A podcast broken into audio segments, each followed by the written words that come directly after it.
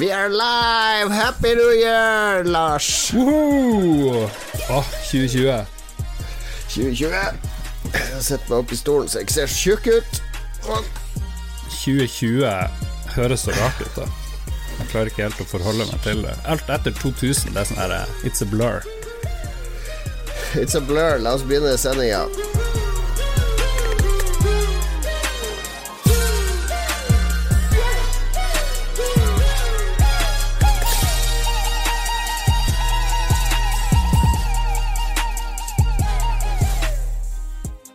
Godt nytt år, kjære lytter, og godt nytt år til deg, Lars Rikard. Hvordan har det nye året behandla deg så langt?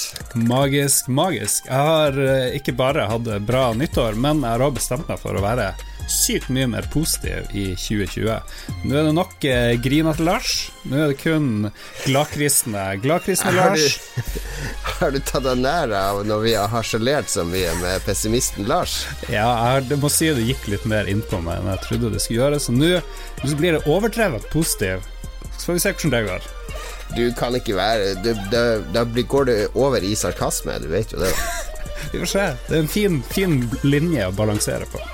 Ja, gi meg et kompliment, da. Få høre hvor positiv du er. Eh, vet du hva, jeg syns sendeskjemaene dine i dag Veldig bra. Veldig bra, Jon Cato.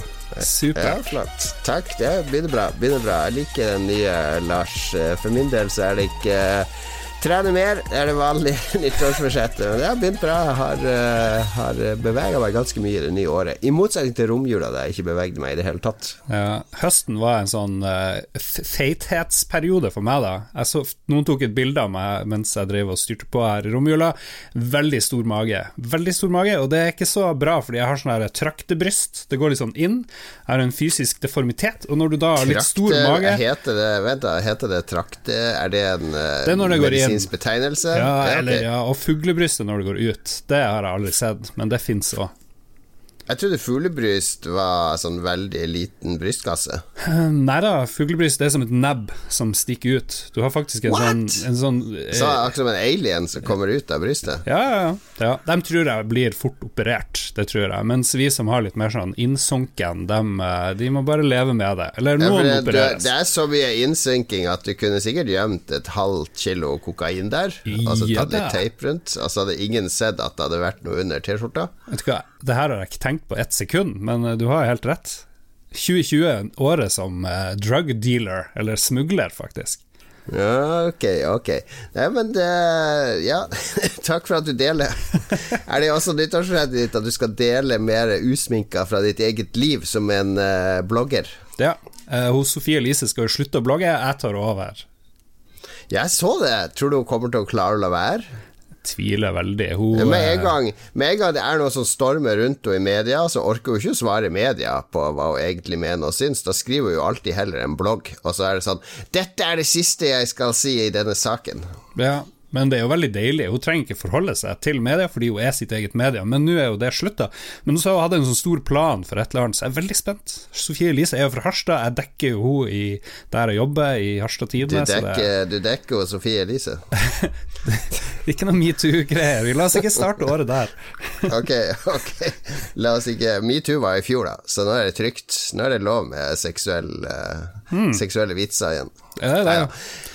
Det kan, kan være det. Vi, eh, vi, men vi har jo alltid drømt om å ha Sofie Elise som gjest, og så så jeg jo i bloggen, hennes siste blogg, eh, der hun skrev om sine nyttårsforsetter, at hun skulle henge med mer intellektuelle folk i 2020. Tror du det er oss som har i tankene da? Jeg tror, jeg tror ikke det er oss hun har i tankene. Hvem er det hun har i tankene, da? Intellektuelle? Ja. Er ikke det som å si at uh, til alle hun har hengt med nå de siste fem årene, at dere er idioter, liksom? ja. Og så skulle hun også begynne i parterapi, for hun er jo lag med en fyr òg, fra Harstad. Så eh, Det tror jeg bare fordi hun syns det er morsom den er på TV. Hun tror det er sånn som på TV, at du sitter og skal lage vitser om hverandre. Ja. Nei, la oss uh, Sofie Elise, hvis du hører, vi vet at du hører på, uh, ring Lars. Du har nummeret hans, og Ja. så får vi deg inn som gjest. Så kan du forklare litt om hvordan det nye bloggeåret ditt skal bli. Vi kommer til å mase i hver episode på deg, Sofie Elise. Så det er bare Hvis noen av lytterne våre kjenner Sofie Elise, så send henne en melding og si at hun må ta kontakt med Lars, så vi får en som gjest snart. Veldig bra. Do it, Sofie. Ok, men hva har skjedd siden sist? Det er bare oss her, før folk begynner å vente på stemmen til Ståle eller Mats eller Philip eller Christian eller Dag Thomas. Ja. Hvorfor har vi ikke med oss flere i dag? Er, det, er de ikke gode nok? Har vi kutta ut alle i 2020? Ja, men jeg føler at når det begynner et nytt år, så bør man begynne litt forsiktig. Du begynner ikke med et smell. Du går ut av det gamle året med et smell, og så begynner du det nye året litt forsiktig. Så nå finner vi formen litt. Det er, blir jo et nytt år for Lolbua òg. Lolbua utvikler seg jo år for år. Vi er ganske annerledes nå enn vi var i 2015, f.eks. Ja, vi er, åtte, vi er åtte stykk til sammen. Det er jo helt vilt. Kanskje, vi, kanskje må vi eh, slippe til noen med en egen podkast i Lolbua-systemet. Det kan skje. Vi, eh, vi, er på konstant jakt etter farmen til Lolbua. Og når vi har funnet den gode farmen til Lolbua, så er vi på konstant jakt etter å endre den. Fordi med en gang du stagnerer og bare lager det samme år etter år, måned etter måned, uke etter uke, så holder du på å dø. Det er min filosofi. Ja, jeg vet. Du, må, du må bevege deg hele tida, og det er jo mm. Dere burde flytte. Hvor lenge har dere bodd der i det huset ditt? Ti år nå. Ti år, stagnering, død. Ja, men Jeg flytta jo fra andre etasjen opp på loftet ja. for uh, tre må måneder siden, så for jeg, jeg, du driver jo og pusser opp, har jeg hørt. Ja da, så det er mulig jeg òg skal flytte. Jeg er litt usikker på om det nye, fordi jeg har et svært soverom, du har fått lov å bo der med din kone, og gud vet mm. hva som skjedde da, men da så du at det var et svært soverom, jeg har delt det i to. Jeg har delt det i to, det blir et nytt gjesterom slash kontor, kanskje det blir det nye studioet. Og jeg fikk broderen opp eh, i jula. Jeg var nede i Sverige, feira julaften. Ja. Var nisse, det kan jeg jo nevne. Det er veldig gøy å være nisse. Før var jeg veldig nervøs da jeg var nisse. Nå er det bare sånn her Hvorfor det? Jeg vet ikke, jeg føler så Det er jo verdens minst kritiske publikum, og så er de i tillegg ganske redd for det. Ja, jeg vet, men jeg var like redd for dem som meg. Det er som å møte bjørn i skogen, ikke sant. Hvem er mest redd?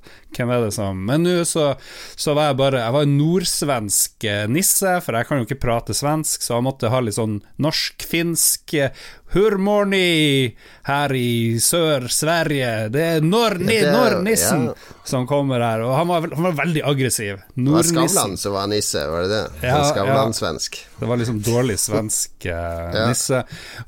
Han ene ville ikke gi meg klem, mens hun på halvannet år, to år, hun, hun syntes det var helt topp. Og så eh, da jeg gikk, så sa ungen hadde, hadde, du, hadde, du, sånn forferdelig sånn plastikkmaske, eller yes. var det bare skjegg og briller og sånne ting? Det var en svær maske, men det var den beste maska jeg hadde. Jeg har hatt mye maske opp gjennom årene. De maskene var... er jo bare creepy. Det er jo sånn der eh, klovne-massemorder-type maske. Ja. Og så var det en gammeldags nisse, for han drev og var litt skeptisk til kvinner. De skulle være på kjøkkenet og lage mat og sånn. Og så ble han sur da han ikke fikk konjakk med en gang. Så det var litt sånn eh, Fikk du ikke konjakk? Konjakk, det har jeg alltid fått når jeg har vært nisse. ja, nei, jeg måtte be om det. Har ni inte folk sjekk her nede i sør? Var er tomtens konjakk? og så nekta nissen å gå, så de måtte kaste han ut til slutt når han drukket halve konjakkflaska. ja, men, det, men det var ingen som spurte etter meg. Det var ingen som spurte hvor onkel Lars eh, når jeg var nisse. Så det, ungene de eh, mister helt sans og samling når nissen kommer. Faen meg dum i hodet, unger, altså. Ja, så det var gøy. Men broren min ble med opp hit etter det, og fikk fri fra barn og alt det der. Og eh, begynte vi, han var med å rive, og kjøpte inn materialer, og vi spikra opp masse nye vegger og styre, det er ikke helt ferdig. Etter at han for, så har jo produktiviteten sunket veldig, for min bror er veldig effektiv, veldig glad i å pusse opp og sånn. Og, ja. Men første dagene jeg var her, så var jeg litt syk, og så måtte jeg klippe ferdig roffelbua som eh, folk mm. oppfordres til å få tak i. Og da ble bror ganske sur. Han sa det ikke til meg, jo, han eksploderte litt da vi skulle dra handle. Han bare 'Skal ikke du gjøre noe for en gangs skyld og og kjøpe litt øl', eller et eller annet, sa han. Da ble jeg litt sur, så vi hadde litt krangling. Men så sa han til en kompis at han var veldig skeptisk til at jeg måtte skulle drive og bruke tid på Lolbua mens han var her og pussa opp. Så Lolbua har faktisk gitt meg litt pain uh, her i, i romjula. Men så ble jeg friskere, var med, har lært å skru inn ting. Jeg er jo sånn fyr som ikke klarer å henge opp gardinstenger. Jeg er den minst praktiske fyren i verden. Jeg vet ikke helt hvordan du er, du er der. Jeg, jeg tror jeg er verre enn det. Jeg, det er kona mi som har bygga platting ute og sånne ting. Jeg har ikke gjort en skit. Jeg kan ikke sånne ting. Ja. ja, ja. Men det er gøy å pusse opp. Du føler det skjer noe, det blir friskt. Det, blir... det er ikke gøy å pusse opp. Det er gøy når du nærmer deg ferdig å pusse opp. Jo da, men nå nærmer det seg ferdig der, og så videre. Ja. Men du har fått nytt Har du fortalt om den nye doen du har fått på Lolbua? Nei, jeg har ikke fortalt det. Jo For du har jo fått deg en sånn der eh, Sånn, sånn uh, analstimuleringstoalett, er det det det heter? Helje, et, eh, et sånn Asian-style do. Det er ikke full blown med sånne helt sinnssyke ting, men den har fø, den har vifte under, så den tørker der. Det er Gerber, er det de som lager disse doene? Yes. Med sånn spyling i rumpa og sånn. Jepp, jepp, eh, det er noe sånt. Jeg husker Gerber, Gråe, Gråhe, tror jeg kanskje det heter. Litt Ja, usikker. ja, ok, ja. det er grå. Eh, den har spyling både på kjønnsdelene til kvinner og ass. Den spyler deg i rumpa med ulike mm, modes. Du har litt sånn eh, stråle som går litt frem og tilbake, litt sånn cock and balls. Eh, spruter ganske mye, gjør det, men så har du mer fokusert deg er rett på anus. Og jeg følte meg så sykt rein! Jeg følte meg så sykt rein etter at jeg fikk prøvd den eh, første gang. Fordi jeg pussa opp eh, badet, og det er ferdig. Så det er Ja. magisk. Bortsett fra at er det, dårlig. er det sånn at du slutter å bruke dopapir, da? Altså Hvis du har en sånn skikkelig Du har spist tandoori-gryta di kvelden før med masse chili og, og kjøtt, og så har du drukket litt øl, og så er det litt sånn løs Bare litt sånn løs, eh, blaut bæsj. Fyller toalettet med litt bæsj, og så bare trykker du på 'skylle ned', og så kommer den stanga ut. Og er, holder det, da? Blir du helt rein av å bli spylt litt i, i rumpesprekken, eller må du tørke litt ekstra med papir? Du kan stille inn både temperaturen på vannet, men også styrken, så du kan få en sånn ganske hard, liksom nesten smertefull eh, stråle opp i anus der, og det, det er ganske hardcore eh, powerful, så den spyler vekk det meste, men du må ta en par, par tørk, bare sjekke liksom at alt er rent. Men den følelsen etterpå, eh, aldri opplevd noe lignende. Eh, Glem å dusje, liksom. Du, av og til tar man en dusj, eh, dusjstråle i ræva. Du har slutta å- dusje, du bare dusjer rumpa, er det det sier? Nei, det er gøy. Det er gøy, jeg anbefaler det. Det er ganske dyrt. Men eh, hvis du ikke gidder å skru på lyset, så er det lys i doen, så du trenger ikke skru på lyset når du kommer inn ravende, ikke sant. Og, nei, det er Men det er, det er sånn 40 000 de koster sånne her toaletter, ikke? Du kan få opp til mm, sikkert hva som helst, flere hundre tusen, men det her er sånn rundt 20, litt over 20, tror jeg det er til sammen. Huh. Yeah, baby. Jeg, jeg har litt lyst på sånn do, jeg òg. Jeg tror ungene kommer til å ødelegge det med en gang. Det er det jeg er redd for. Det, nei, for det, det er elektronikken, den der spylegreia, det er jo sånn rob robotarm som kommer ut, og dzz, enten foran eller bak, eller hvordan det nå er. Går det an å modde og hacke den til å gjøre sånne ulike Det er stålespørsmålet. Eh, Jeg har allerede spilt uh, Skyrim på dassen min. Uh, fjernkontrollen. Det følger med fjernkontroll. Nei, det har jeg ikke, men uh, det, det spørs. Kanskje Tetris. Ganske, ganske basic fjernkontroller. Men det anbefales. Okay. Det gjør det. Ja, det den, men du har ikke den i anbefalingsspalten? Nei, jeg glemte helt av det. Glemte helt av det. Ja. Bare minne deg på det. Men har dopapirforbruket gått ned, da? ja, ja, ja. Men tida jeg har brukt på do, har gått dramatisk opp. Det er sånn minst fem minutter ekstra på dass. For du sitter jo Men Har der og du vurdert om morgenen å ligge med hodet over og så vaske fjeset med den? Ja, du må hacke den litt for at den skal tro at du sitter der, fordi den merker Når du setter den ned, Ah, ja, så det- begynner det er vifta å gå. sensorer, ja, Ja, ok, det er sensorer i øst og vest og sånne ting. Så, men vi klarte å lure den til å begynne å sprute. Måtte bare holde over masse sensorer, liksom legge litt vekt på doringen og sånt, så fikk vi det til. Ja. Det, kompiser, kompiser Jeg har så mange spørsmål, jeg vet ikke om jeg på hele sendingen. Men har du fått Er det kompiser som nå kommer på besøk til deg bare for å bæsje? Altså som går og holder seg litt eh, Altså, jeg venter til jeg, jeg drar innom Lars, bare for å få den gode bæsje- og spyleopplevelsen. Jeg har en kompis i går, han var veldig skuffa fordi jeg har tatt sikringa, fordi der jeg pusser opp det soverommet, er samme sikringa som på badet, så det, det er ikke i drift akkurat nå. Så han var veldig skuffa over at han ikke fikk lov å bæsje. Men noen er litt skeptisk, sånn som mamma, hun tør ikke det der, og Mats, han går på gammeldoen. Eh, Mats tør ikke? jeg tror ikke han har Nei, jeg tror ikke han har kjørt på, altså. Nei. Ja, Mats har sikkert lest at det er noe sånn NSA tar noen sånne DNA-prøver fra anuset ditt, eller noe. Ja, det er sånn anus recognition software. Jeg vet i hvert fall det første jeg skal gjøre når jeg skal på besøk til deg neste gang oppe i Harstad, skal jeg ikke bæsje hele dagen før, skal jeg gå uten å bæsje og holde meg på flyet, for det første jeg skal gjøre når jeg kommer til deg, er å bæsje. Det, du kommer til å elske det. Yes. Ok, det er oppussing Jeg har bare hatt en sånn eh, jul og romjul med total eh, Totalt forfall. Total eh, hedonisme. Jeg har Det har jo vært sjakk-VM i hurtigsjakk og lynsjakk, der eh, vår venn, eh, eller vår mann, Magnus Carlsen stakk av med begge seirene. Jeg har faktisk sett Jeg så hver eneste kamp de fem dagene. Jeg gjorde ikke annet enn å sitte inne foran den TV-en fra klokka tolv, når det begynte, til åttetida på kvelden, når det var ferdig. Eh, så på de fem dagene der så var jeg kun ute av huset én dag. Uh, og det er sånn som var stort sett hele romjula. Vi, vi dro opp på fjellhytta da, så jeg var ute en dag og måka verandaen en morgen. Eh, og fylte stampen og fyrte i den, men da for jeg bare inn og ut i pysjamasen og heiv opp i vedkubba, eh, sånn at ungene kunne bade der om kvelden. Ellers har jeg bare sittet og sett på TV. Holy shit.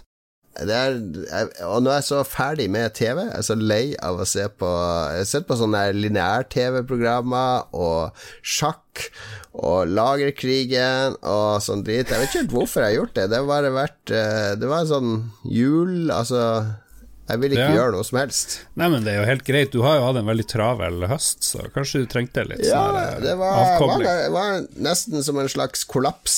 Og så var det også sånn at uh, vi treng, altså Ungene klarer seg stort sett sjøl nå i den alderen de er i, så de besøker venner og sånn når vi er hjemme og drar på aktiviteter. Det, før, når du har småunger, så må du jo være med overalt og gjøre alt mulig.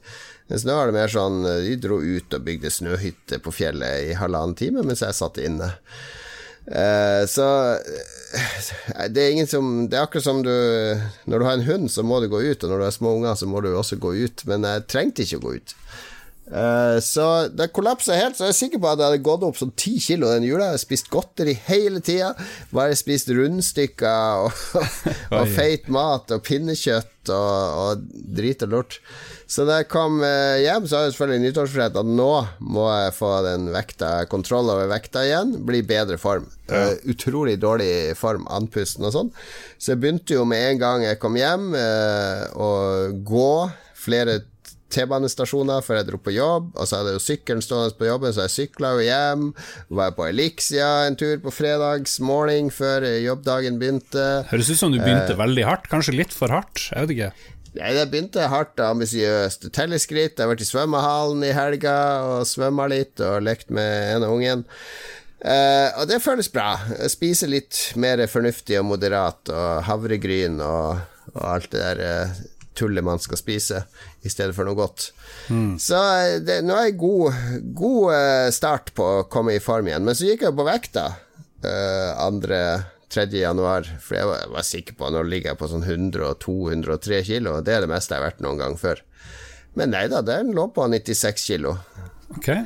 Okay. Så jeg har jo ligget på 90 3 til 96 kilo nå i tre, to, to, år. Du husker jo vi hadde en sånn stor slankegreie for et par-tre år siden, var det vel. Mm.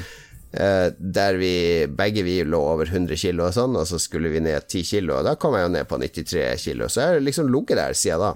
Så nå er mitt neste mål å komme 10 kilo til ned, ned til 85 kilo. Oi, det blir brutalt. Det der under 90 tror jeg er skikkelig heftig. Jeg, var, jeg lå jo på rundt 90, kanskje til og med 89 og sånt en stund, men nå, ja. var jeg òg redd for at jeg er på 100, så jeg, må, jeg skal ta en sjekk.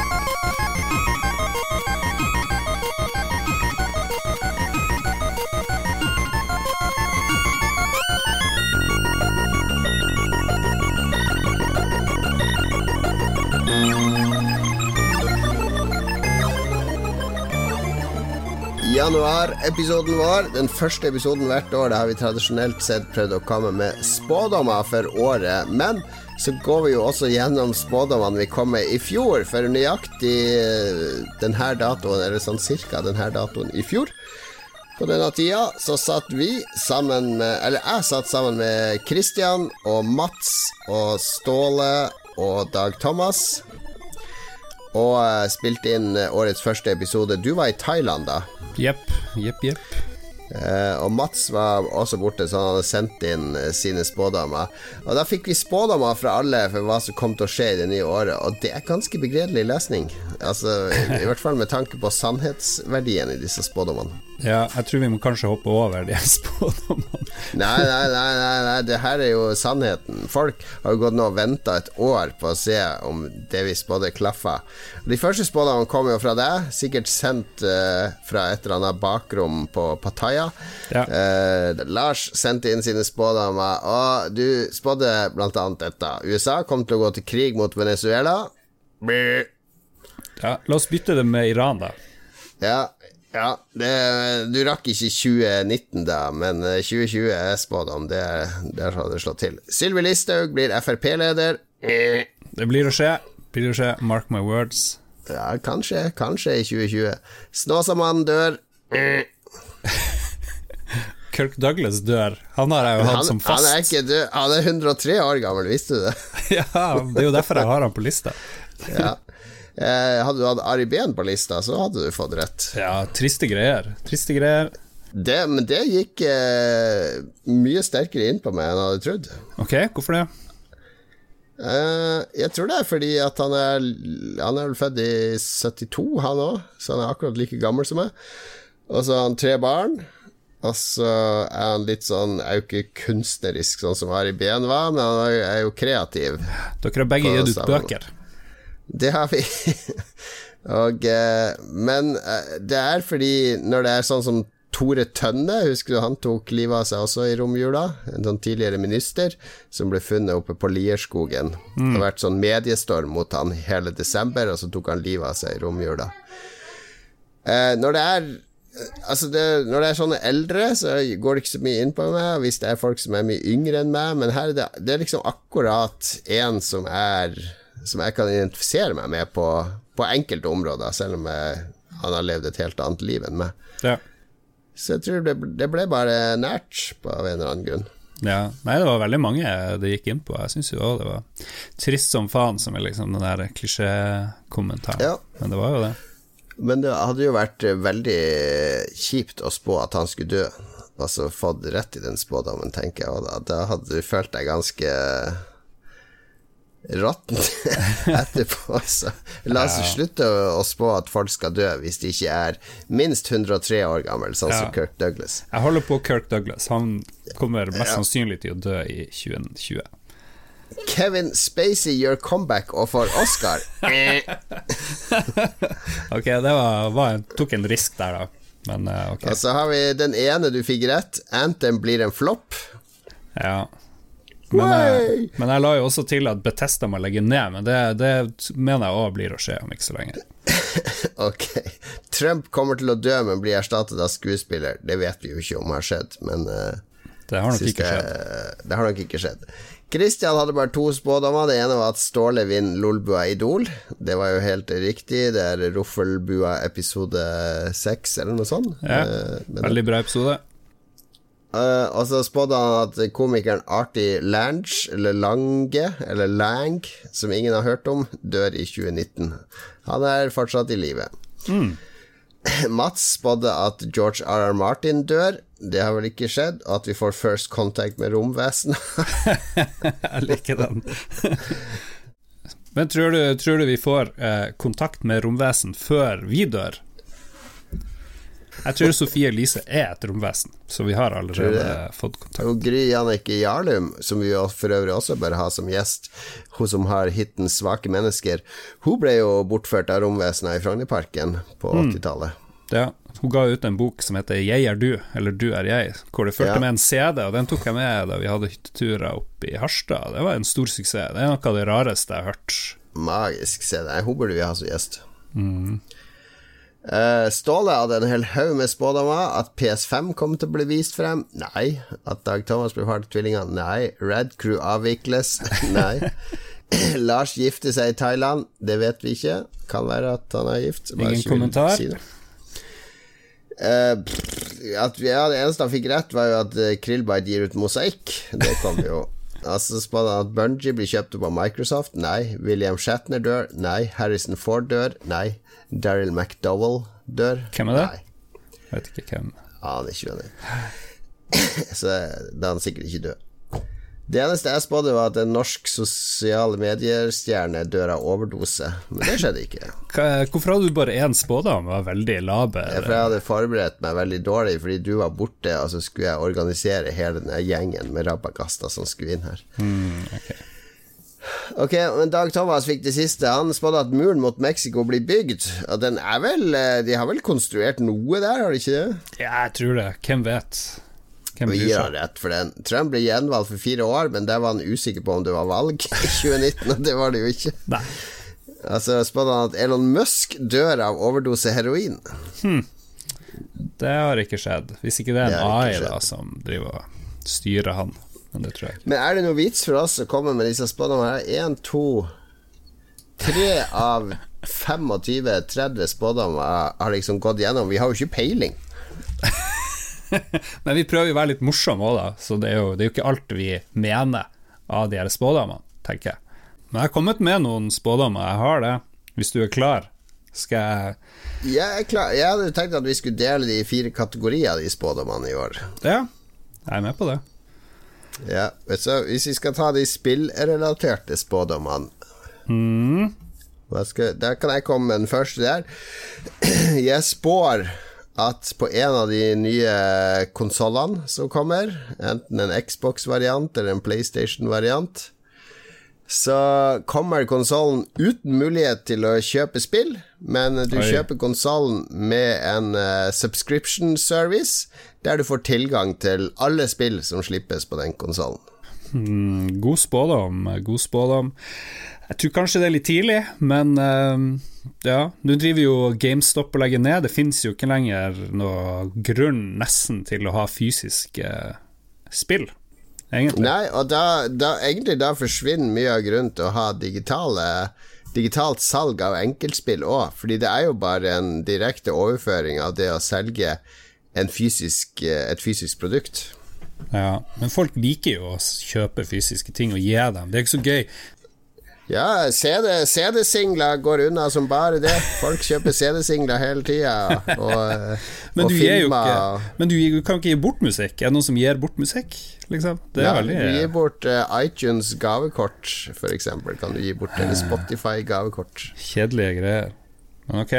Ja, Men vi har liksom akseptert det for musikk, ikke sant? Det, vi har akseptert det for film, med Netflix og sånne ting. Så det er jo bare en, en, et mindset at uh, Og som vi som vi snakka om på Spillrevyen denne uka. Så, så det, det, er jo Folk i hele høst har jo gått og anbefalt Xbox Games Pass. De har snakka om sånn Å, Outer Wilds er kult, jeg lurer på om jeg skal sjekke det ut. Ja, men ikke kjøp det. Kjøp deg Xbox Games Pass, for da får du det spillet og mange andre mer. Så at det er i ferd med å bli en sånn der uh, nytt mindset hos folk nå, at de anbefaler tjenestene som spillene er tilgjengelig på, i stedet for enkeltspillene, tror ja. jeg, da. Skal jeg komme med en spådom uh, ja, ja, ja. om spillåret 2020? Quentin Tarantino kommer til å si at han har lyst å lage spill. Han, driver, han har vel bare én film igjen, tror jeg så er han ferdig med de ti. Han mener jo at ingen regissører har lagd mer enn ti gode filmer, så han bare lager ti, og så er han ferdig. Han har fått med seg at han Guillermo del mm. Toro er involvert, og litt sånne ting. Uh, han svensken, han Fares, eh, lager bra spill, osv. Quentin Tarantino får lyst til å lage spill, og det kommer ikke ut i år. Det hadde vært veldig gøy. Tenk å få et Tarantino-spill. Det hadde vært helt helt, helt topp. Ja, det er jo ikke en én-til-én-overgang, men har ikke han helt tapte. Altså, jeg, noe jeg gjorde i jula, var faktisk å se den Once Upon a Time in Hollywood, som er fjorårets mest oppskrytte film ever. Hvis det ikke hadde vært Tarantino oss, Hvis det ikke hadde vært Tarantino som hadde laget den, men en annen ny og fersk regissør, så hadde alle bare Hva er det her for noe tull? Det er bare idioti. Så det er bare fordi det er Tarantino at folk aksepterer en snorfest uten like. Mm, den er litt lang, den er litt lang, men det er mye bra. Den er grusomt lang, og den siste halve timen kunne bare vært borte hvis han skal fortelle om Hollywood. Den er bare lagt til for å ha noe sånn sjokk og effekt på slutten. Det er som shotgun-skytinga i Last of Us i trynet på en eller annen fiende. Det er bare der for at folk bare skal Oh, man! Så du han bare skøyt han og blæ, blæ? Oh. Ja, slutten er ikke helt bra. Men uansett, uansett Jeg tenkte, det her, er, det her er min villeste spådom, da. Jeg tenkte jeg måtte begynne hardt. Ja, jeg tror ikke han er interessert i film i det hele tatt. Vet du hva favorittfilmen til Tarantino var i 2019? Eh, nei. Crawl. Hva er det for noe? Det er en, eh, en, eh, skrekkfilm om at det blir en sånn flom i et hus, og så kommer det masse alligatorer inn i huset, og så er det ja, det står på. Jeg har lyst til å se den bare fordi Tarantino Og Tarantino hadde den mest taskige anbefalinga ever av favorittfilm. Ja. Jeg tar en mer realistisk spådom i samme slengen. Amazon ja, ja. lanserer spillstreamingtjeneste i 2020. Uh. Ja, det er litt billig, det må jo skje. Tror du ikke det? Ja, de har infrastrukturen, så selvfølgelig skjer det. Ja. Jeg tror du er inne på noe der. Ok, Har du flere spillspådommer? Jeg spår Jeg spår uh,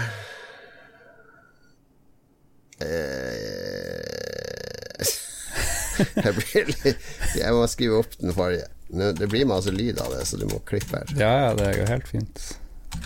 It's all good. Han Byslo kan han ta med her. Han sier at uh, grunnen til å ha fysiske spill uh, er jo å kunne låne bort fysiske spill, sier ja, han i Når var sist du lånte bort et spill? Nei, jeg vet ikke. Det er, det er greit med unger hvis du har flere konsoller og sånne ting. Ja.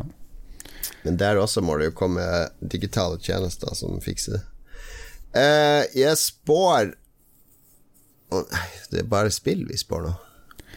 Ja. Jeg har ikke noe mer spillting å spå som jeg kan snakke om. Ok, du vet for mye.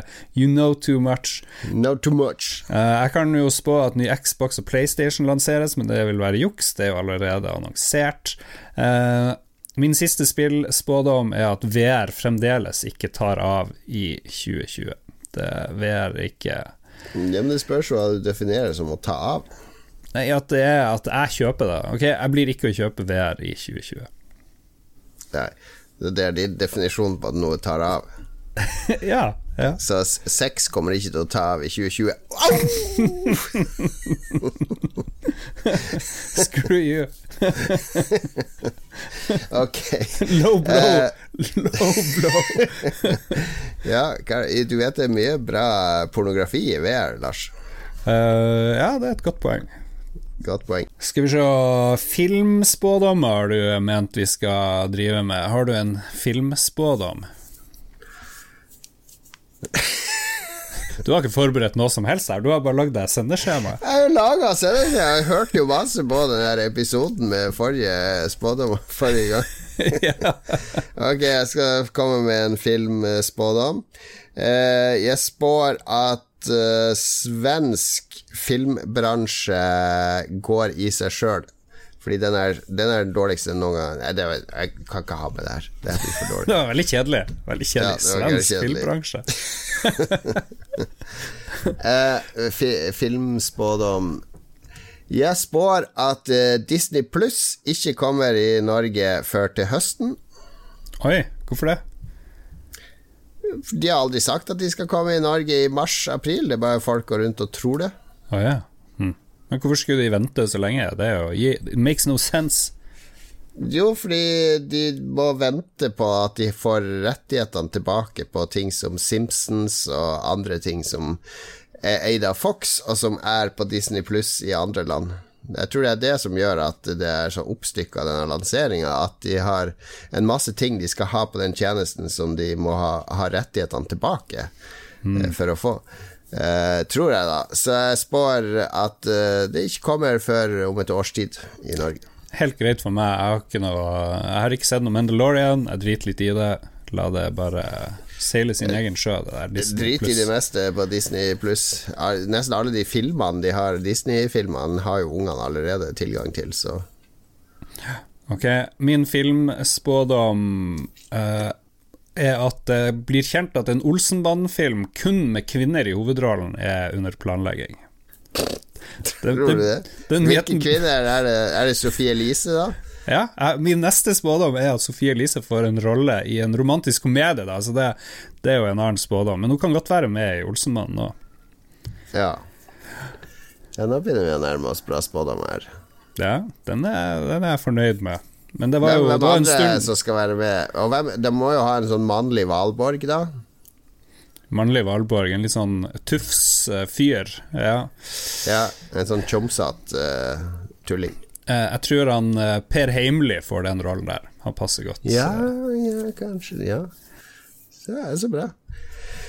Jeg tror på den spådommen. Jeg tror vi får en En film om Ari Behns liv. Mm. Den er jo bankers. Den er det. Mm. Den blir annonsert i 2020, og så kommer den i Hvem skal spille den unge Ari Behn? Det er jo Aksel Hennie har jo alle de her rollene, så Ja, ja. Det blir nok. Nyhetsrelaterte spådamer, Lars. Blir det tredje verdenskrig nå? Nå har vi jo innsideinformasjon om 2020 allerede, med assassineringa av denne iranske generalen. Ja. Jeg blir, blir litt deprimert. Det er dårlig start. Det er kun brann i Australia. Hele Australia is on fire, og tredje verdenskrig uh, is coming up. Så jeg, det gjør Det er et skudd for baugen for min nye positive livsstil. Så eh, spådommene er òg litt negative. Trump dør slash blir drept. Iran kommer til å få klare å ta livet av Donald Trump. Slash Mike Pence. Slash general. Ok? Eh, Thun, Greta Thunberg blir leder for en økoterrorgruppe, har jeg òg skrevet opp her. Hun bare ser at det skjer ingenting, så kommer hun til å bli skikkelig desperat. Så plutselig så får hun sånn her maske og går i hiding og sender ut sånne manifest og sånne ting. Ok, ja, økoterror og at Donald Trump dør. Ja. Koselige, koselige spådommer. Og så hadde jeg òg en spådom, men nå trekker jeg egentlig at eh, folk flykter fra Australia, og det blir mer og mer Madmax eh, på kontinentet. Men det er kanskje det, Vi må vente en ti år, tror jeg, på det. Det tror jeg. Jeg skriver den opp som ti. Vi sjekker i Lolbua episode 1933 om det slo igjennom. Ja. Men jeg spår at uh, det er jo valg i Norge til høsten, er det ikke det? ja. Ja, jeg spår at de går mot et rød-grønt skifte i valget til høsten. Og der kommer jeg med mot, uh, motspådom. Jeg tror det blir samme driten som i brexit og alt det der. Eh, nasjonalismen står sterkt. Uh, isolasjonisme, og der er jo de blå nummer én. Jeg tipper at Solskjær får sparken i United før året er omme. Solskjær sparken. Jeg skriver det opp.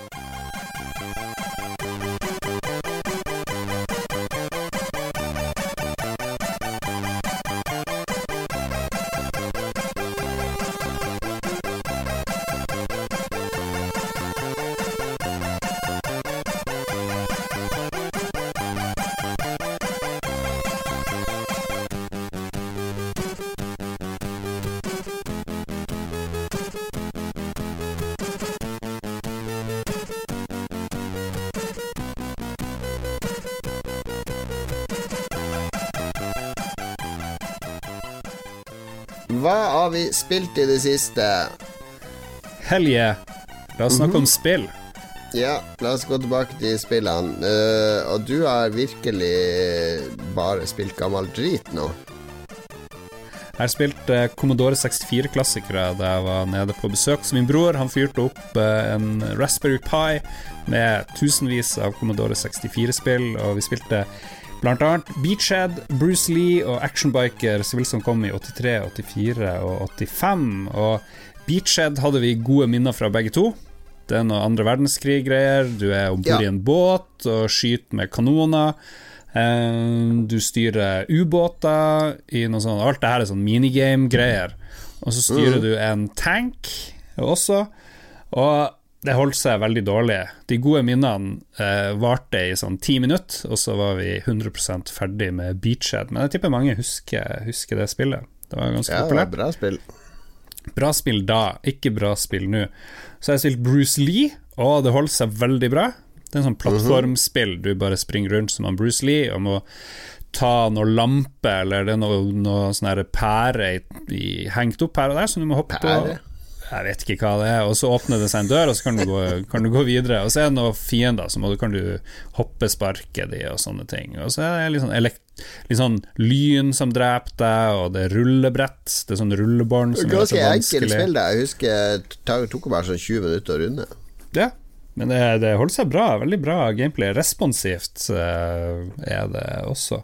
Så har jeg spilt actionbiker, musikk eh, Rob Hubbard, veldig enkel musikk og veldig enkel gameplay. Skjønte aldri hva man skulle gjøre da jeg var liten, for du, du starter bare på en bensinstasjon med en motorsykkel, så skal du kjøre rundt på et ganske begrensa brett i et sånt nabolag hvor det er en eh, konstruksjonsplass, og det er eh, en liten sjø, og det er en sånn hesteinnhegning og noe greier, og så må du fære rundt med en motorsykkel som er veldig vanskelig å styre og plukke opp små blinkende bokser som representerer ny eksospotte og nye ting. Og så er det meningen at du skal oppgradere den her motorsykkelen din helt til du kan delta i et drag race. Og uh, satt så broren min spilte det i en halvtime, kom veldig langt. Du må kjøre opp på en berg-og-dal-bane, og det er veldig vanskelig. det er veldig koselig. Det er godt. Det er jo uh, Jeg runda det spillet i sin tid. Ja, veldig koselig uh, spill. Det er veldig hyggelig spill hvor det er ikke noe masse fiender og sånn som prøver å drepe deg hele tida. Det går mer bare på at du må navigere riktig og finne Finne alle delene til denne sykkelen. Og det er også han Clumsy Colin som er han du styrer, han som kjører den sykkelen. Han var jo en sånn maskot for noe sånn frokostblanding eller noe sånt, så det er jo et sånn sponsa spill av en Ja, ja. eh, K KP Skips, eller hva det het, den der frokostblandinga, eller hva det var for noe. Eh, så det er et, egentlig et reklamespill, men det var et veldig bra reklamespill. Og musikken er jo til og med Rob Hubbard. Det er totona, veldig behagelig melodi som eh, Absolutt. traller, tralle langs, eh, langs spillet. Stemmer det. Så, det har jeg er spilt. det, det er det alt du har spilt? Du har bare spilt Ja, du har drevet og pussa opp? Ja, har ikke rørt uh, PlayStation eller noe i romjula. Nei. Ja, men det høres eh, sunt ut. Det, jeg har spilt mye forskjellig. Jeg har prøvd det der nye spillet Vattam, eh, som er laga av han som lagde Katamari Damasi. Ja. Eh, hva er det han heter for noe, han fyren? Et sånn japansk navn, selvfølgelig. Eh, han heter vel Keita Takahashi. Eh, han har laga et spill som heter Vattam, som er uh, Det er litt sånn uh, Teletubbies møter Katamari Damasi. uh, du er på et plattform der du er en, et veldig trist ordfører, fordi hele verden har forsvunnet, så det er bare den plattformen der. Og så dukker det opp ting, og så blir du venner med en stein, og så blir du venner med et tre eller noe sånt, og så kommer det kommer en do etter hvert, og eh, Altså, det er eh, Jeg lo så mye når jeg spilte det, og jeg skal, har lagt det til sida og restarta det, fordi jeg skal spille det mens ungene ser på. Fordi det er et utrolig artig spill. Altså, det er så barnlig lek og fryd og gammen at uh, det gir ga meg litt sånn håp om at spill trenger ikke å ta seg sjøl så seriøst. Ja. Ja. Jeg ser på video nå. Det er veldig er samme grafiske stilen han har i mange av de her spillene. Ja, men det er ikke sånn Katavari syns jeg var Det ble bare slitsomt å drive og rulle den her ballen etter hvert. Fordi når du først hadde gjort det i 20 minutter, så var det sånn Ok, det her skal jeg gjøre på hvert brett. Greit nok. Mens her er det mer som en slags såpeopera som går videre hele tida.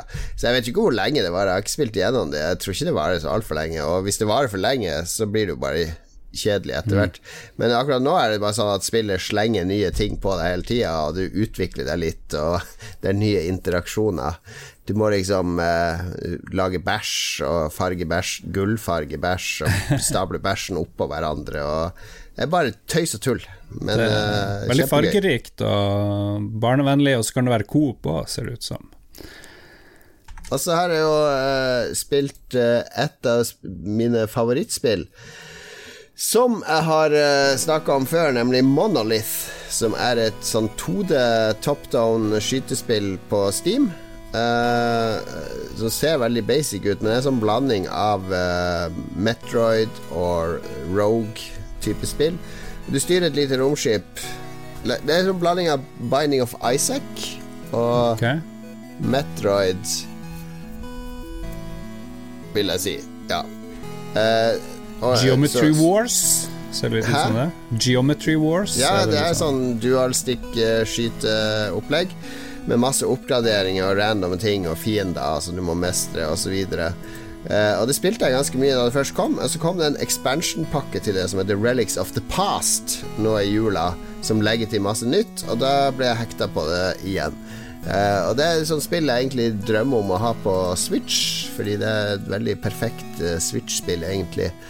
Men eh, jeg koser meg veldig med det spillet. Det er et eller annet med hele det visuelle og lyden. Det er chipmusikk, det er sånn retrografikk, og så er det veldig, veldig tight kontroll.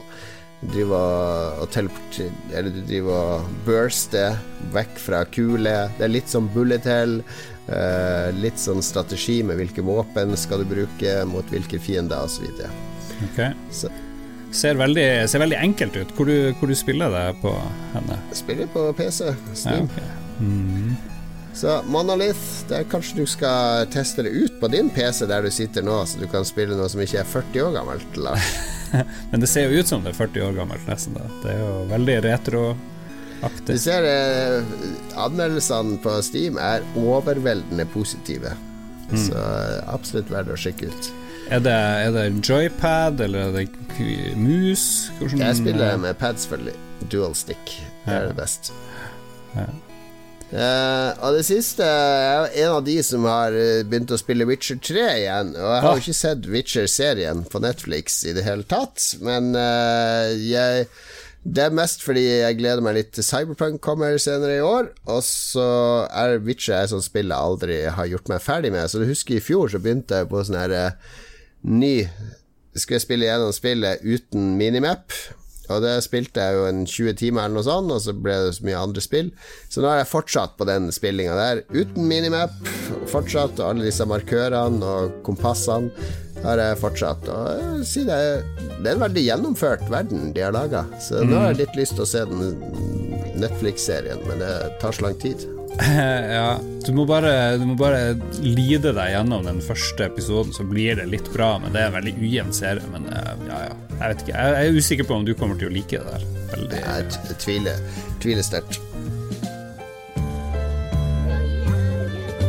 All my days used to feel the same, just playing a waiting game. Dining at a table set for one, stuck in an day you walked into my life, it was you I needed.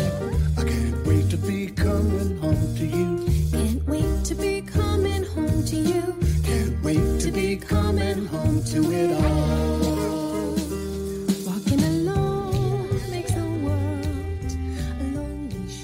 Anbefaling. eh, Vi starter det nye året selvfølgelig med å anbefale nye ting som dere kan bruke til å gjøre livene deres bedre. Og Lars, du har eh, kjøpt deg ny telefon, og med på kjøpet da så får man ett års gratis abonnement på Apple sin eh, relativt magre strømmetjeneste Apple TV Pluss. Yes, yes, yes. Stemmer det. Og det eneste jeg visste om Apple TV Pluss, det var at det var noe som het The Morning Show, så det har jeg sett. Eh, Det er også noe om en sånn alternativ Det er fordi du er litt forelska i henne, Jennifer Aniston. Nei, ikke noe sånn veldig, men jeg elsker han Aaron Sorkin som lagde The West Wing, og han lagde en serie om et TV-show, så jeg tenkte ja, Ja. kanskje det er litt sånn der, da. Og det er- var innertier spådom fra meg, da. Er Veldig mye dialog, veldig mye gåing og prating. Eh, dialog, smart dialog, smarte folk som uh, sier interessante ting. Og så er det mye drama, veldig mye drama. Det er jo to damer som tar over et sånn morningshow, ikke sant, og så blir det bare kaos. Det er sånn morningshow som rammes av en metoo-skandale, og at det har vært litt sånn ukultur i, i, i produksjonsstaben der. Stemmer det. stemmer det Hun, Jennifer Aniston har i 15 år jobba med han uh, fyren som det viser seg har litt, uh, gjort litt kjipe ting med sine ansatte. Og den som erstatter henne, er jo her Reece Witherspoon, som er en sånn down to earth, bondsk dame som sier det hun mener, osv. Og og så havner hun plutselig som, eh, gjennom mye intriger, som hennes co-host på det her morningshow, hvor folk driver og stabber hverandre i ryggen mye, og så videre. Og så er det litt problemer med ledelsen av selskapet og mye greier. Eh, De har brukt sykt mye penger på denne serien. Det ser veldig bra ut. Det ser Det er, det, det er et interessant skue. Altså, det er veldig sånn amerikansk. Ja, ja. Altså, det der måling For jeg tenker Det er ikke sånne konflikter på God morgen Norge. Tror du ikke hun der han Blomsterfinn og hun der eh, kokka Vår Staude og hun der kokkedama og hater hverandre, egentlig? Der, gjør det. Det er, det er, men det, er, alle som har vært i USA og sett disse morgenprogrammene og sånn, de er jo så innstudert og uh, plastikk De er så glatte i alt fra presentasjon til disse glatte menneskene. Altså Det tar det veldig på kornet. For jeg har faktisk sett denne serien, jeg òg, i mitt, eh, min totale romjulsforfall. Har du sett den ferdig? Ja, jeg har sett den ferdig. Åh, Syns du ikke det var bra? Jo, jeg syns det, var bra. Jeg synes det faller litt uh, mot slutten, men så avslutter det ganske sterkt. Og så Ja. håper jeg at det aldri blir noe sesong to. Trenger ikke mer. Det, er- den er avsluttende og fin. Ja, ja, den er egentlig det. Ja, jeg liker han Steve Carell. Han spiller jo den der disgraca disgraced hosten som må slutte, og gjør en ganske bra Og Da liker jeg veldig godt han der regissørvennen hans, som spilles av han eh, Martin Short. Martin Short, ja. Han er veldig fæl. Men så, altså, elsker jeg jo Reece Witherspoon. Hun er ei som jeg bare aldri egentlig har sett noe særlig filmer av. Men hun er meget sånn intellektuell. Hun leser ekstremt mye bøker, og så er hun veldig sentral i å realisere gode bøker til bra filmer. Ja, ja. Så hun jeg, Jeg tror hun har Opera har jo en sånn bokklubb, men jeg har mer tro på Reece Witherspoon sin bokklubb. Ok. Nei, men eh, hvis du nå av en eller annen grunn skulle få det her Apple TV pluss, fordi jeg gidder ikke, jeg hadde ikke tenkt å kjøpe det, abonnere på det i det hele tatt, men så fikk jeg en ny jobb via Ny mobil via jobben, så da fikk jeg det. Da, Det er også en sånn M. Night Shyamalan-serie på Apple Pluss, har du sett den? Jeg så at den eksisterte. Altså, det finnes, og en sånn alternativ historie. Hva hvis uh, Russland kom til månen først, og sånne ting.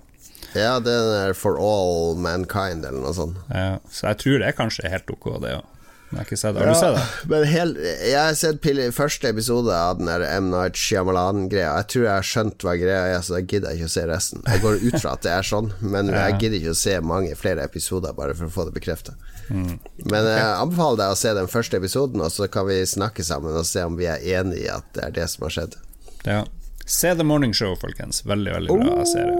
Right. Jeg skal anbefale noe jeg brukte mye tid på i mitt forfall i romjula innimellom mens jeg så på Magnus Carlsen. Da reaktiverte jeg min gamle konto på chess.com eh, på iPad-appen. Eh, og begynte å spille sjakk online og ta litt sånn trening. eh, Lære De har sånn eh, masse sånne treningsgreier og eh, sånne oppgaver du kan løse, og alt mulig for å gjøre deg bedre til å spille sjakk. For jeg ble så inspirert i romjula at nå må jeg uppe mitt sjakkspill. Jeg har spilt masse sjakk fysisk med barna mine, spesielt han minste er veldig glad i å spille sjakk.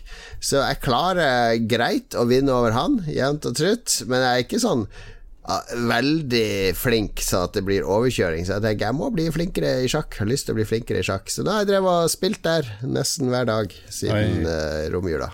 kult. Så for å knuse din, ditt yngste barn på hvor gammel er Han er åtte. Åtte, ja. ja. Det, jo, jo. Nei, men det er gøy, det. Man lærer bare når man taper, vet du.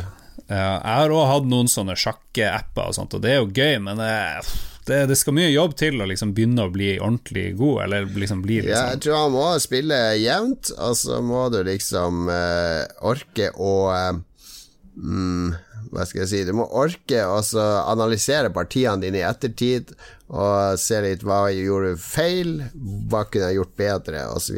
Det hjelper jo den chess.com-appen med. Du kan kjøre en analyse av partiet ditt etter du har tapt, og så peker han på alle svake trekk og dårlige trekk og sånne ting. Okay. Men når du ser eh, Når du sitter på sofaen, spiser ostepop og ser Magnus Carlsen spille sånn her absurd høyt nivå, man får jo ikke med seg egentlig hva som skjer i det hele tatt. Så jeg skjønner ikke hva, hvorfor sitter du og bruker hele romjula på å se noe du egentlig ikke forstår. Hva er appellen der, egentlig? Eh, nei, men jeg forstår jo ikke eh, hvorfor folk går på ski. Altså, det er mer uforståelig for meg hvorfor folk vil ta på seg to planker og prøve å, å løpe av gårde over fjellet i fem mil på ski for å komme først i mål.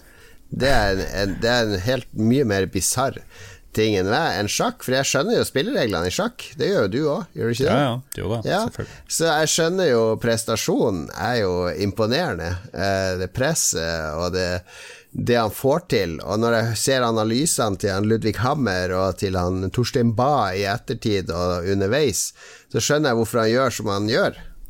Mm. Jeg skjønner jo ikke hvorfor eh, Hvorfor det norske skilaget tapte for en gangs skyld, bare fordi de smurte feil. Altså det Jeg har ikke noe innsikt i det der. Det er jo uforståelig for meg. Høres ut som vi må ta en sånn åtte-player-turnering eh, med sjakk i Lolbua-redaksjonen. Ja, det syns jeg vi skulle gjøre. Absolutt. Ja. Det var anbefalingen denne gangen. Chess.com sin egen app, eller bare spill direkte på nettsida deres. Det er den mest profesjonelle og bra chess-appen, sjakk-appen. Og The Morning Show på Apple TV pluss. Og det var det vi hadde for denne gangen. Tusen takk til våre produsenter. Vent, vent, vent. Den gode gamle vitsen om at vi har Vi skulle egentlig ikke ha lytterspalte, for vi har ikke bedt om noe innspill, men vi fikk det underveis i sendinga, både i Twitch-streamen og på vår Facebook-side. hvis det er i Twitch-streamen, så er det ikke lytterspalte, det er seerspalte. Ja, det, det er helt greit. Det er helt topp. Alt er topp i 2020, Jon Cato. Og vi kan ta først fra Lille Gris eh, i Twitch-chatten. Hun sier at i overgangen juni-juli så er Trump forvirra. Hvordan vet du at det er ho? Det, det er vår eh, grafiker Inger Emilie står bak eh, Nikke Lille Gris. Det tror jeg jeg har nevnt før. Det har jeg nevnt Ok. før. Ja. Eh, hun, eh, hun sier at Trump er forvirra, ting eskalerer i september, og det blir krig, faktisk. Det blir krig, og da, men, da tipper jeg hun mener at det er noe sånn invasjon, kanskje, eller et eller annet. Hilsen astrologen, så hun, har, hun mener kanskje at hun har eh, eh, sett det i, i noe sånn kaffeløv, hva det heter, kaffegrut, eller et eller annet. Kaffeløv. Jeg vet ikke hva kaffeløv er. Eh, Kaffegrut, ja. Det, det er billig spågreier i kaffegrut. ja, det er det. Hvis du, hvis du skulle rangere La oss si du står utenfor fem forskjellige spåfolk. Den ene spår i tarotkort. En spår i krystallkule. En spår med Oya-brett. Mm. Og han siste, fjerde, han spår i kaffegrut. Du hadde jo, Skulle du rangert de, så hadde du putta kaffegrut nederst. Jeg tror det. Jeg tror det. Ja. Jeg tror in Innvolla var jo òg en sånn greie. Eh, Ja, innvolla òg, men det hadde jeg plassert over kaffegrut. Det krever litt mer eh, innsats å finne noen dyreinnvoller og slenge på et bord og så se på vinklene og sånn de ligger, enn å bare koke kaffe og så bare Å ja, se der ja, der ligger gruten. Ja, ok, eh, Lille Gris er enig. Hun skriver 'kaffegrut er ut' eh, til oss. Så da, vet vi det. Trygve Bjelvåg han uh, syns det var lite spådommer om dødsfall i 2019. Hva med 2020? Hvem stryker med? Og det, Vi prøvde jo å styre unna det, eh, egentlig. Jeg har han uh, Kirk Douglas, han, han er der. Er det noen gamlinger du tror er klar til å sjekke ut i 2020, Plato? Jeg tror eh, det blir en ny sånn Alexander Kielland og Mats eh, stryker med ut på plattform. Oi, oi, oi. Mørkt. Mørkt, mørkt, mørkt. I love it. Skal vi se. Ripp Mats. Herregud. Jeg har sånn dårlig følelse. Jeg får litt sånn her vondt i magen. Jeg, driver, jeg, driver, jeg er redd for at jeg skal dø i 2020. Ja, ja, Nei, du skal ikke dø. Ja, men du flyr så mye. Kan bli eh, øko... Greta Thunberg, økoterroristen, sprenger flyet, så du skal til neste styremøte. Ja, men han kompisen min, han Jens Arthur, som døde i fjor, og det tenker jeg, ja ja, det kom veldig nært. Det var liksom too close. Og han ja. levde jo tilnærma like usunt som jeg har levd eh, en stund, da. Så ja ja. Du lever jo ikke, du er jo vegetarianer. Veganer, takk. Ja. Alternativ veganer. men, altså, jeg håper jo ikke Mats dør, men uh, nå har jeg sagt det, så det får det stå. Men hvis det er noen sånne eldre, hvis vi skal holde oss til de eldre Vi hopper videre. Stian Skjerven spår eh, Stian Blipp legger ned podkasten sin. Oi, oi, oi. Da fikk vi den. Um, Grillpodkasten hos Jan Thomas blir enda bedre. Ja vel. Han hadde grillpodkast? Jeg tror han hadde den der med han Tørnquist, at de ble venner. Jeg aner ikke hva han snakker om. Jon Cato kjører til Sarajevo jazzfestival med sin Nissan Leaf. Slutt å mase om den jazzfestivalen. Jeg tok det med i Best of-sendinga. Det var selvfølgelig et av Men høydepunktene. det er faktisk ikke så langt unna det jeg skal gjøre i sommer, så det er ganske, ganske nærme. Men du har Tesla, du har ikke Nissan Leaf. Ståle Alexander eh, Baldvinsson perfeksjonerer husmorpornoen sin og gir ut en samling som blir starten på et husmorporno-enterprise og blir Norges Hugh Hefner. Det er ikke verst. Det er morsomt. det, det tror jeg kan skje. Ja. Uh, og så fortsetter han Jeg blir dratt mer og mer mot radikalmormonermiljøet i Harstad. Smith-podden blir en realitet. Og det blir etter hvert en norsk versjon av TV-suksessen Big Love med Lars i hovedrollen. Ja vel. Seertallene til Farmen og Jakten på kjærligheten stuper. Gaute Grøtt og Grav tar med seg alle tidligere Farmen-deltakere uh, og joiner Lars sitt mormonersamfunn. Ja, ok. Jeg har gjort en innsats der, Stian Skjerven. Uh, Takk for det. Ja. Og det var det. Det var egentlig Var det det, av Last Ah. Minute lytterspalte. Uff, Yeah, Ja, det var det. Da har vi spilt inn årets første episode. Uh, ja, deilig. Deilig, deilig. Det er ti episoder til nummer 300. Hva skjer da? Da skal vi til Harstad, eh, tenker jeg, og spille inn jubileumsepisode her og gjøre et eller annet morsomt. Er du med på det?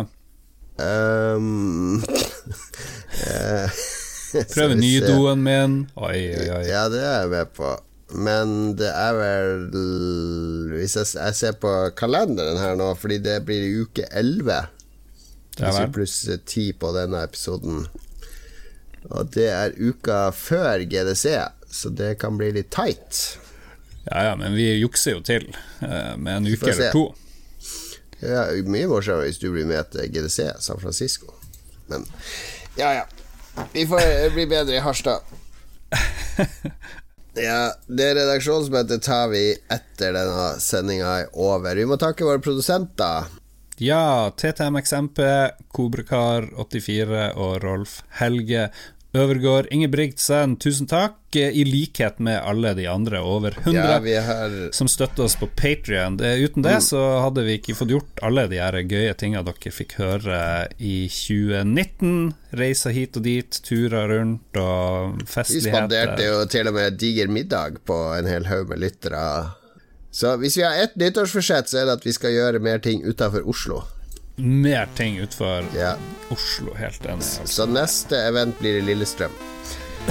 Og med det så takker vi for oss for denne gangen. Håper alle hadde en fin nyttårsfeiring, at de går inn i 2020 med pågangsmot og vilje og lyst til å være med og forme vår fremtid. For husk, fremtiden er i våre hender.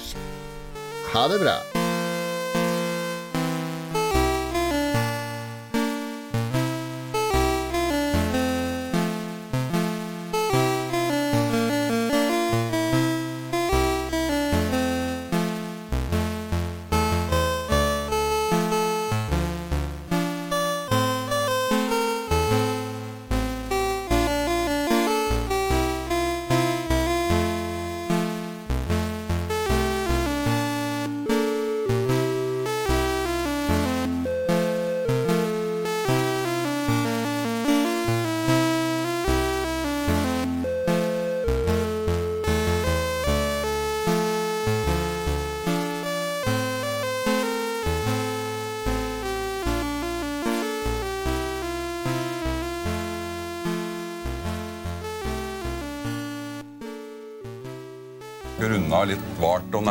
Til ettertanke.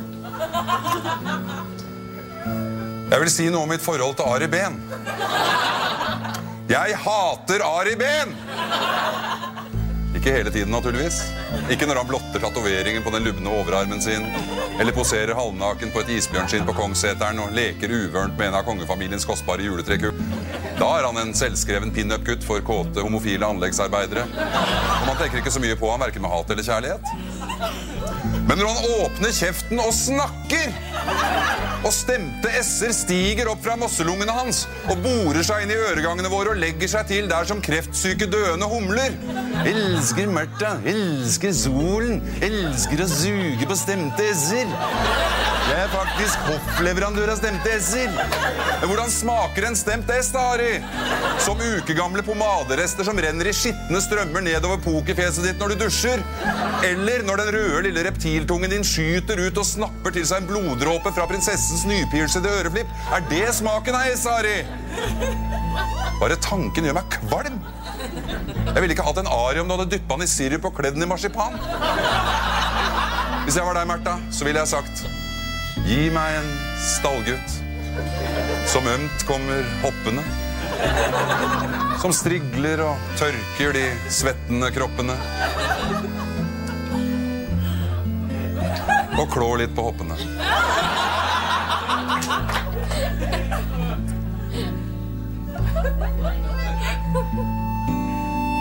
Du er en vampyr, Ari. Det er ikke noe galt med vampyrer i og for seg, men når de stikker av fra filmene sine og vipper sugerøret over kanten på slottsbalkongen og slurper i seg prinsesseblod så vi mer enn aner republikken i det fjerne, da, Ari, da har du gått for langt. Bare tanken gjør meg kvalm. Jeg ville ikke hatt en Ari om du hadde slengt den etter meg med bruksanvisning og bæresele. Hvis jeg var deg, Märtha, så ville jeg sagt Gi meg en stallgutt som uten å mukke måker vekk møkka og skraper og bukker. Og vrinsker. Jeg elsker deg.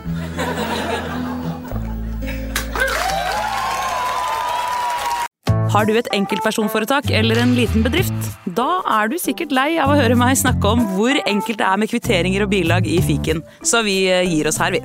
Fordi vi liker enkelt. Fiken superenkelt regnskap.